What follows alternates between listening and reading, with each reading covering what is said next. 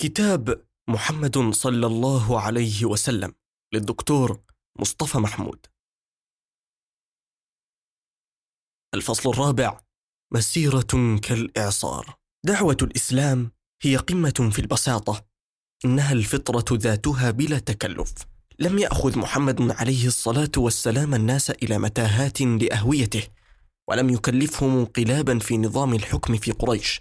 وإنما أراد بهم أن يطهروا عقولهم من رجس الخضوع للأوثان وأن ينزهوا ربهم عن هذه الشركة المخجلة مع أصنام لا تسمع ولا ترى وهذه الشفاعة الوهمية لحجارة شائهة لا تملك لنفسها شيئا.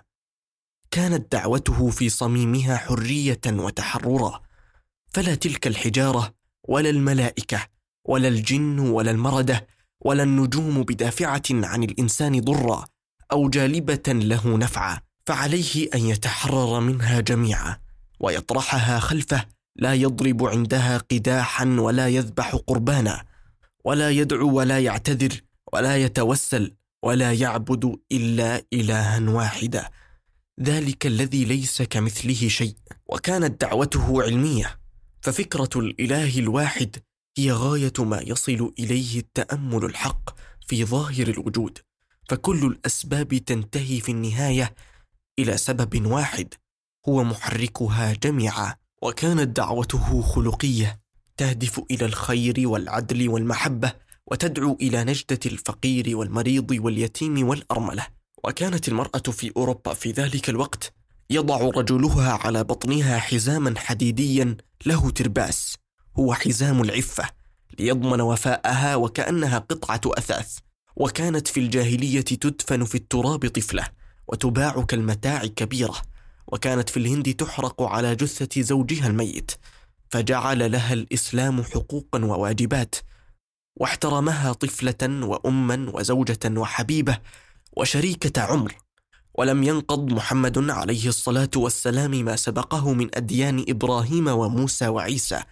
كان محمد يدعو إلى خير الجميع ولكنه اصطدم بمقاومة هائلة من الجميع. وحينما نزلت آية الدعوة وأنذر عشيرتك الأقربين واخفض جناحك لمن اتبعك من المؤمنين. صعد محمد الصفا ونادى يا معشر قريش! قالت قريش محمد على الصفا يهتف. واقبلوا عليه يسألونه ما به. قال أرأيتم لو أخبرتكم أن خيلا بسفح هذا الجبل أكنتم تصدقون؟ قالوا نعم أنت عندنا غير منهم. وما جربنا عليك كذبا قط. قال فإني نذير لكم بين يدي عذاب شديد.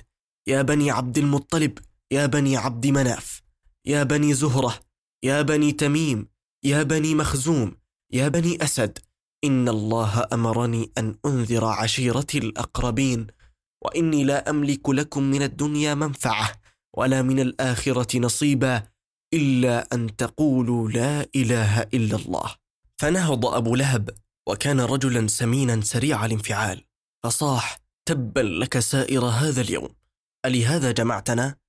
وطالبوه بالمعجزات وبان يفجر لهم من الأرض ينبوعا ويجعل لهم جنات وأنهارا ويحيل الصفا والمروة ذهبا أو يحيي الموتى أو يسقط السماء عليهم كسفا ورجوما أو ينزل عليهم كتابا في رق مسطور من السماء يشاهدونه بأعينهم أو يجلب لهم الله وملائكته.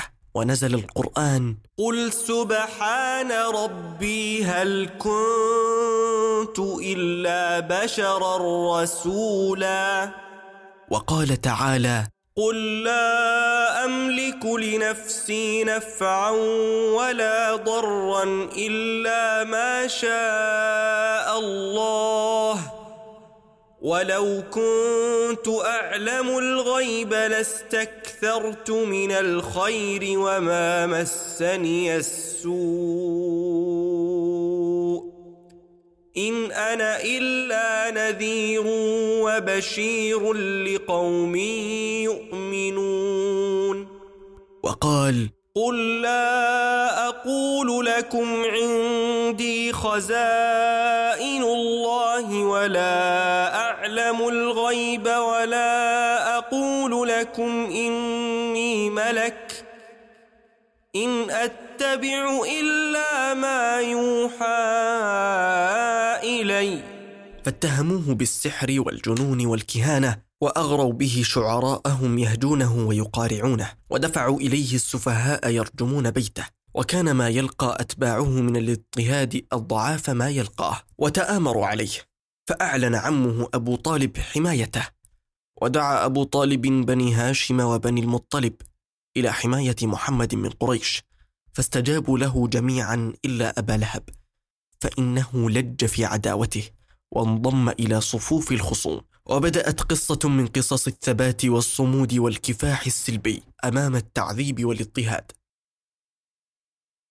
هذا أبو طالب الذي يمنع محمدا ويحميه يواجه طوفانا من السخط وهذه قريش مجتمعة تذهب إلى الشيخ مهددة متوعدة. يا أبا طالب إن لك سنا وشرفا ومنزلة فينا وقد استنهيناك من ابن أخيك فلم تنهه عنا. وإنا والله لا نصبر على هذا من شتم آبائنا وتسفيه أحلامنا وعيب آلهتنا حتى تكفه عنا أو ننازله وإياك حتى يهلك أحد الفريقين. ويضعف أبو طالب فيقول لمحمد أبق علي وعلى نفسك ولا تحملني من الأمر ما لا أطيق. فيجاوب محمد في ثبات عجيب يا عم والله لو وضعوا الشمس في يميني والقمر في يساري على أن أترك هذا الأمر ما تركته حتى يظهره الله أو أهلك دونه.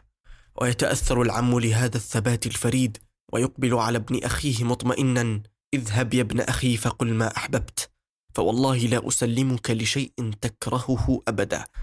وما تكاد تمضي أيام حتى يعود رهط قريش إلى محمد بوسيلة أخرى ليثنوه عن دعوته. هذه المرة يفوضون عتبة بن ربيعة ليعرض على محمد عرضا مغريا وهذا عتبة يقول لمحمد يا ابن أخي إنك منا حيث قد علمت من المكان في النسب وقد أتيت قومك بأمر عظيم فرقت به جماعتهم وسفهت آلهتهم. فاسمع مني أعرض عليك أمورا لعلك تقبل بعضها إن كنت إنما تريد بهذا الأمر مالا جمعنا لك من أموالنا حتى تكون أكثرنا مالا. وإن كنت تريد تشريفا سودناك علينا فلا نقطع أمرا دونك. إن كنت تريد ملكا ملكناك علينا. وإن كان هذا الذي يأتيك رئيا شيئا من الجن تراه. لا تستطيع رده عن نفسك. طلبنا لك الطب وبذلنا فيه أموالنا حتى تبرأ. فلا يكاد يفرغ من قوله. حتى يكتفي محمد بأن يتلو سورة السجدة. إنهم ينطحون الصخر وسوف تدمى رؤوسهم ولن يتحرك الصخر من مكانه. ويهاجر المسلمون ممن زادت عليهم وطأة الاضطهاد إلى الحبشة ويبقى محمد ثابتا مع القلة القليلة أمام الطوفان. وتتشاور قريش. ويقر قرارها على سياسة جديدة لضرب محمد وأصحابه. هي سياسة التجويع والمقاطعة والحصار ويكتبون كتابا بالمقاطعة يعلقونه في الكعبة. إنه لا بيع بينهم ولا شراء ولا تزاوج ولا معاملة مع بني هاشم وبني المطلب وكل من يتبع محمدا أو يحميه. واحتمى محمد وأهله وأصحابه في شعب من شعاب الجبل بظاهر مكة يعانون الحصار والحرمان والجوع ولا يصل إليهم الطعام إلا تهريبا. ويحكي أحد الصحابة عن هذه الفترة أنه قد بلغ به الجوع ذات يوم أن عثرت يده بشيء رطب فألقى به في فمه وازدرده دون أن ينظر إليه. ولا يزال إلى اليوم لا يدري ماذا كان ذلك الشيء. ودامت المقاطعة ثلاث سنوات. لم يكن يؤذن لمحمد فيها بالاختلاط بالناس إلا في الأشهر الحرم. وتحكي السيرة أنه جاءه في تلك الأيام وفد من النصارى فجلسوا إليه واستمعوا له فأسلموا وصدقوه. فاغتاظ لذلك قريش فسبوهم قائلين خيبكم الله من ركب بعثكم أهل دينكم لتأتوهم بخبر الرجل فلم تطمئن مجالسكم عنده حتى فرقتم دينكم وصدقتموه وقد يسأل سائل عن السر في هذا اللدد والخصام والعناد والعداوة من قريش لمحمد وهو الذي لم يدعهم إلا إلى خير ولم ينازع أحدا في سيادته بل كان يقول خياركم في الجاهلية خياركم في الإسلام إذا فقهوا وحينما دخل مكة فاتحا بعد ذلك بسنوات لم ينزع أبا سفيان من مكان الشرف في قومه بل ثبته في مكانته وجعل للاجئ إلى بيت أبي سفيان كاللاجئ إلى الحرم. لما إذا كل هذه الخصومة واللدد؟ هي الكبرياء. لمجرد الكبرياء. وهذا أبو جهل يحكي عن نفسه. تنازعنا نحن وبنو عبد مناف الشرف. أطعموا فأطعمنا وحملوا فحملنا وأعطوا فأعطينا. حتى إذا تحاذينا على الركب وكنا كفرسي رهان قالوا منا نبي يأتيه الوحي من السماء فمتى ندرك مثل هذا؟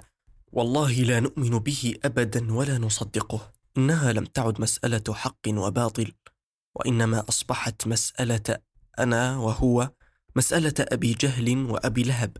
ولماذا لا يكون أبو جهل هو النبي؟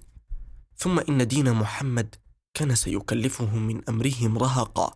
فإن الواحد منهم لا يزني ويسرق ويقتل ثم يقدم رشوة من القرابين إلى الأصنام فينتهي كل شيء وينام قرير العين.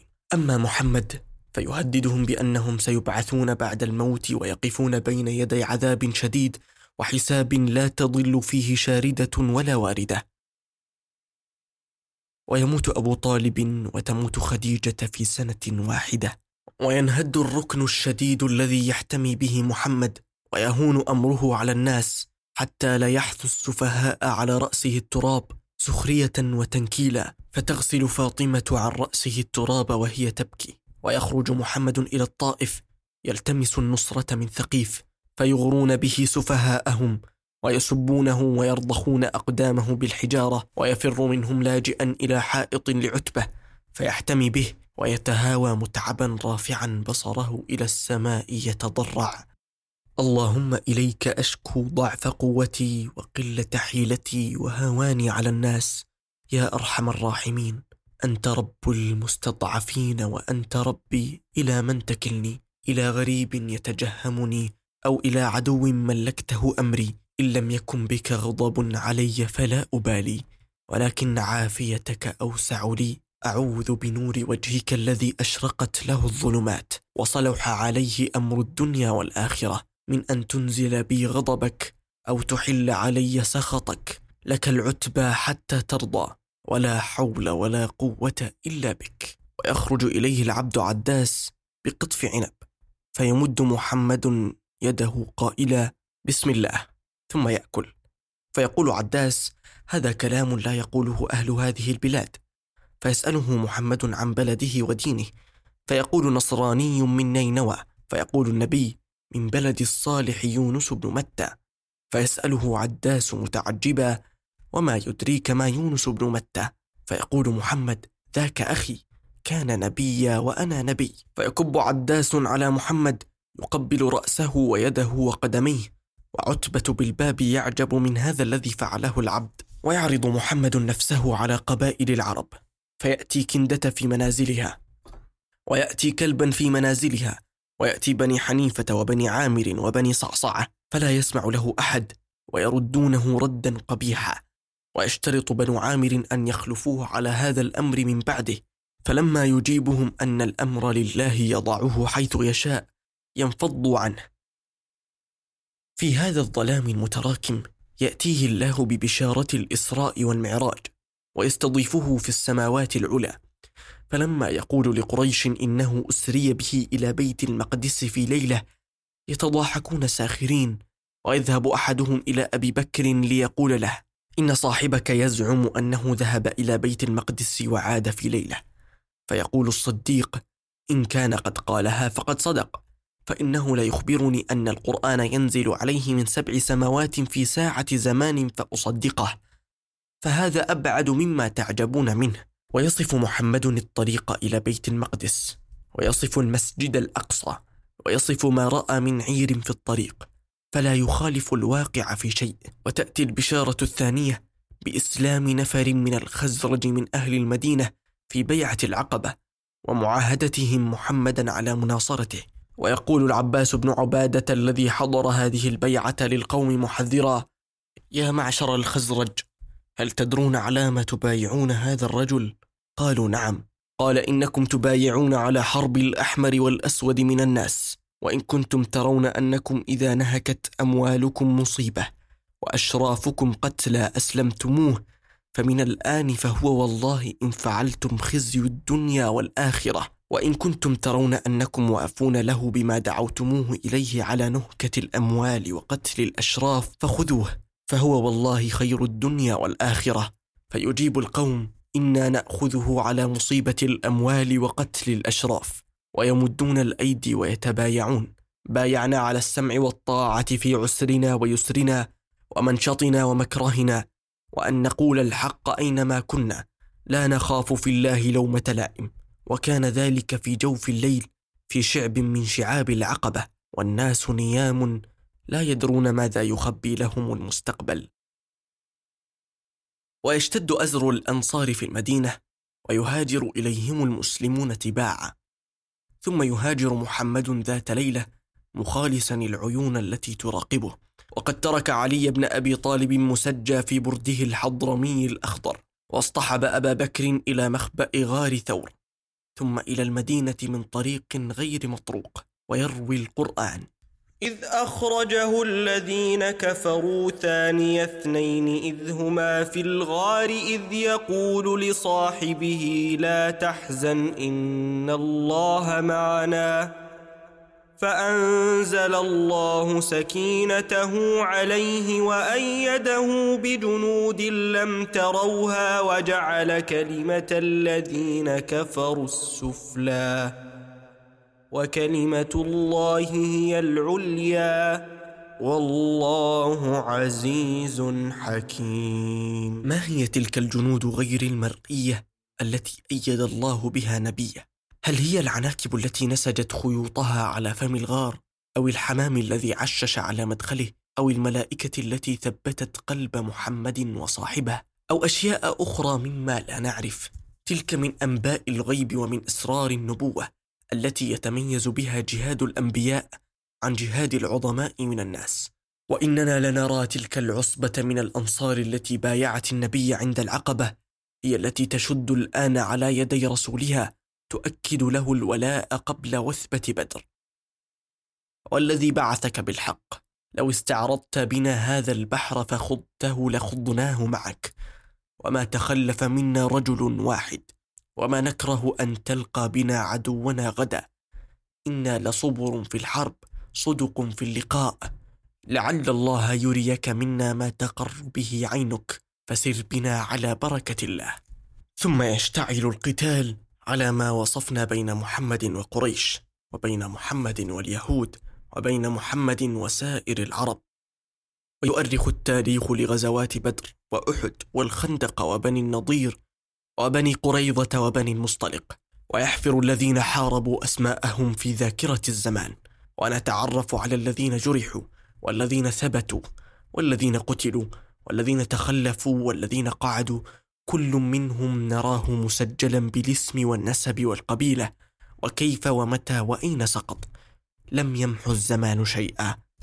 وتتواتر الكتب ليؤيد بعضها بعضا وليرسم صورة مجسمة حية. لتلك المسيرة العظيمة التي ساندها الرجال صفا واحدا وراء رجل يتقدم بأمر السماء. وبين وقت وآخر كانت المسيرة تتوقف ليلتقط الزمن أنفاسه ومن تلك الوقفات المثيرة للتأمل كانت وقفة الحديبية وقد خرج محمد إلى مكة في 1400 محرمين للعمرة لا يحملون سلاحا إلا السيوف في غمدها يسوقون الهدي أمامهم سبعين ناقة لينحروها عند الكعبة لا يقصدون قتالا. حتى إذا كان بعسفان صادف رجلا من بني كعب فقال له إن قريشا سمعت بمسيرك فخرجوا وقد لبسوا جلود النمور ونزلوا بذي طوى يعاهدون الله لا تدخلها عليهم أبدا. وهذا خالد بن الوليد وكان في صف الكفار في ذلك الوقت. في خيلهم قد بلغوا كراع الغميم. قال محمد يا ويح قريش لقد أهلكتهم الحرب. ماذا عليهم لو خلوا بيني وبين سائر العرب؟ فإنهم أصابوني كان الذي أرادوا. وإن أظهرني الله عليهم دخلوا في الإسلام وافرين. فما تظن بي قريش. فوالله لا أزال أجاهد على الذي بعثت به حتى يظهره الله أو تقطع تلك الرقبة. ولبثت مفكرا إنه لم يخرج إلى مكة غازيا بل محرما وهو لم يتخذ للحرب عدتها وبلغ المسلمون الحديبية. فبركت القصواء ناقة النبي. وقال الرسول إنما حبسها حابس الفعل عن مكة. والله ما تدعوني قريش إلى خطة يسألونني فيها صلة الرحم إلا أعطيتهم إياها. وقد انعقد عزمه على ألا يحارب احتراما للشهر أوليس هو برسول الله أو لسنا بمسلمين؟ فعلى ما نعطي الدنيا في ديننا وأبو بكر يشتد على عمر لاعتراضه. يا عمر إلزم غرزك أي إلزم مكانك فإني أشهد أنه رسول الله. والنبي عليه الصلاة والسلام يعلم من أمر اعتراض المسلمين ما يعلم. فيقول في صبر وحلم أنا عبد الله ورسوله لن أخالف أمره ولن يضيعني. ثم يبدأ حوار مثير عند كتابة المعاهدة. فيدعو النبي علي بن أبي طالب ويقول له اكتب بسم الله الرحمن الرحيم. فيعترض مندوب قريش هاتفا أمسك لا نعرف ذلك الرحمن الرحيم بل اكتب باسمك اللهم. فيقول الرسول اكتب باسمك اللهم. هذا ما صالح عليه محمد رسول الله سهيل بن عمرو. فيقول سهيل أمسك لو شهدت أنك رسول الله لم أقاتلك ولكن اكتب اسمك واسم أبيك. فيقول رسول الله لعلي اكتب هذا ما صالح عليه محمد بن عبد الله. وتنص المعاهدة على هدنة ثلاث سنوات. وعلى أن من أتى محمدا من قريش مسلما بغير إذن وليه يرده عليهم. ومن جاء قريشا من رجال محمد مرتدا لم يردوه. كما تنص على حق المسلمين في زيارة الكعبة للعمرة والحج. ورأى المسلمون في تلك الشروط إسرافا في التنازل لقريش بدون مبرر. ولكن المستقبل ما لبث أن كشف للمسلمين عن عمق هذه السياسة التي اتبعها النبي. فقد خرج المسلمون الجدد من قريش مهاجرين إلى المدينة فردهم النبي وفاء بالمعاهدة. فرأوا أن عودتهم إلى قريش ستكون هلاكا لهم. فألفوا عصبة من سبعين رجلا بقيادة أبي بصير وعسكروا في العيص على ساحل البحر الأحمر يقطعون قوافل قريش إلى الشام مما جعل قريشا تتقدم بنفسها وتطلب من النبي قبولهم في المدينة وتطلب منه إلغاء بند المعاهدة الذي ينص على رد المسلمين الفارين من قريش. ثم إن هذه المعاهدة كانت أول اعتراف بدولة المسلمين وبمحمد على رأسها زعيمة وليس كاهنا ولا مجنونا ولا قاطع طريق كما أنها أعطت المسلمين الحق في الحج والعمرة وأهم من ذلك أنها أعطتهم الأمان من جهة الجنوب فاستطاعوا أن يتفرغوا لتصفية اليهود أعدائهم في الشمال ثم لإرهاب أكبر الأعداء الروم والفرس بغزوة مؤتة التي ذكرناها ثم بغزوة تبوك التي خرج فيها النبي في أشهر القيض في جيش جرار يتقدمه عشرة آلاف فارس. بلغ به تبوك. فانسحبت جيوش الروم مؤثرة السلامة وأقبل عاملهم على أيلة الأمير يوحنا بن رؤبة وعلى صدره صليب من ذهب. فقدم الهدايا للنبي ودفع الجزية وكتب له الرسول كتاب أمان. بسم الله الرحمن الرحيم. هذه أمنة من الله ومحمد النبي رسول الله ليوحنا بن رؤبة وأهل أيلة. سفنهم وسياراتهم في البر والبحر. لهم ذمة الله ومحمد ومن كان معه من أهل الشام وأهل اليمن وأهل البحر. وعاد الجيش دون صدام مع الروم ولكنه ألقى للمسلمين المهابة في سكان المنطقة وحكامها. وهذا بعض ما أثمرته سياسة النبي الحكيمة في صلح الحديبية. وإنا لنرى النبي بعد ذلك يتفرغ لبعث الرسائل إلى الملوك والزعماء وها هو ذا يكتب إلى هرقل. بسم الله الرحمن الرحيم. من محمد بن عبد الله إلى هرقل عظيم الروم. سلام على من اتبع الهدى. أما بعد فإني أدعوك بدعاية الإسلام. أسلم تسلم. يؤتك الله أجرك مرتين فإن توليت فانما عليك إثمك وإثم رعيتك وندهش كيف يخاطب محمد هرقلا بهذه الثقة والصلابة وهو من هو في ملكه وسلطانه ولكنها بصيرة النبي التي رأت في هذا الملك العظيم نسيجا أوهى من نسيج العنكبوت. فهي عظمة بلا قيم وقوة مادية بلا روح تحفظها. ألم يسقط ملك الروم بعد ذلك بسنوات أمام سيف خالد بن الوليد في معركة اليرموك؟ ويتبدد جيش من مليون مقاتل في أربع وعشرين ساعة كأنه هباء في هواء. سبحان الله. أهو تخطيط أبراهام لينكولن أم مهارة جيفارة؟ أم نحن أمام النبوة وجها لوجه؟ حيث تعمل قوى الغيب مع قوى البشر. وحيث يشع الروح العظيم المسجى في المدينة على قلوب هؤلاء البدو فيدفعهم أمامه كالإعصار. ويبلغ بهم القيروان والأندلس وشواطئ الأطلسي غربا وشواطئ الفارسي شرقا ومضيق الدردنيل شمالا في لا زمان لا يحملون رسالة دمار كما كان يفعل غزاة المغول والتتار. وإنما يحملون مصاحف وحضارة ونورا وحبا وخيرا للجميع. وكذب من زعم أن الإسلام دخل القلوب بالسيوف. فماذا فعلت سيوف الطليان وقنابلهم وطائراتهم في ليبيا؟ إنها لم تخرج مسلما واحدا عن دينه. ولا استطاعت قنابل فرنسا وطائراتها وجيوشها أن تدخل دينا في تونس أو المغرب أو الجزائر. فما زالت العروبة والإسلام هناك في كل مكان حيث تركها عقبة بن نافع منذ أكثر من ألف عام. إنما هنا النبوة في جانب وفي الجانب الآخر العظمة الدنيوية بحدودها تبني أمجادا من زبد البحر ثم يذهب الزبد جفاء. أما ما ينفع الناس فيمكث في الأرض وتنقض قريش عهد الحديبية وتقتل نفرا من خزاعة كانوا قد أسلموا.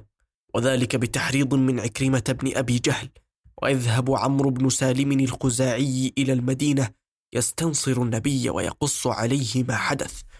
ولا يرى النبي ردا على هذا الغدر إلا فتح مكة ويخشى أبو سفيان عاقبة هذا النقض لعهد الحديبية فيذهب إلى المدينة ويحاول أن يلقى النبي ويدخل على ابنته أم حبيبة وكانت قد عادت من هجرة الحبشة ودخلت في حريم النبي زوجة. فتطوي أم حبيبة الفراش من أبيها حتى لا يجلس عليه. فلما يسألها أطوته رغبة بأبيها عن الفراش أم رغبة بالفراش عن أبيها؟ تجاوبه تجاوبه بل هو فراش الرسول عليه الصلاة والسلام وأنت رجل مشرك نجس فلم أحب أن تجلس عليه. فيرد أبو سفيان مغضبا والله لقد أصابك يا بنية بعدي شر. ولا يجد أبو سفيان بين المسلمين من يستمع إليه فيعود إلى مكة وقد خابت سفارته فيعود إلى مكة وقد خابت سفارته. وقد شعر أن محمدا لا بد سائر على أعقابه لفتح مكة. ويجهز النبي جيشا من عشرة آلاف ويسير حتى يبلغ مر الظهران. وقريش غارقة في الجدل ماذا تصنع في مواجهة محمد؟ ويخرج أبو سفيان في حمى العباس بن عبد المطلب حتى يبلغ النبي بنيق العقاب ويعلن إسلامه. ويزحف الجيش على مكة وأبو سفيان يرقب مسيره وهو واقف بمضيق الوادي عند مدخل الجبل إلى مكة. تمر أمامه كتائب المسلمين الافا مؤلفه فما يروعه منها إلا الكتيبة الخضراء يحيط بمحمد فيها المهاجرون والأنصار في دروع الحديد لا يرى منهم إلا الحدق فلما يتبين أمرهم يهمس لصاحبه. يا عباس والله ما لأحد بهؤلاء طاقة. والله يا أبا الفضل لقد أصبح ملك ابن أخيك الغداة عظيما. ثم ينطلق إلى قومه يصيح بأعلى صوته. يا معشر قريش هذا محمد قد جاءكم بما لا قبل لكم به. فمن دخل دار أبي سفيان فهو آمن ومن أغلق عليه بابه فهو آمن ومن دخل المسجد فهو آمن. ويدخل محمد مكة في الخيل والحديد وقد حنى رأسه على ناقته ونكس بصره تواضعا لربه. يقول لأعداء الأمس الذين رجموه وعذبوه وقتلوا أصحابه يا معشر قريش ما ترون أني فاعل بكم؟ فيجيبون وبهم رجفة خيرا. أخ كريم وابن أخ كريم فيقول اذهبوا فأنتم الطلقاء. وهذا هو النبي. سجل لكم هذا الفصل محدثكم يوسف بن علي. شكرا لحسن استماعكم.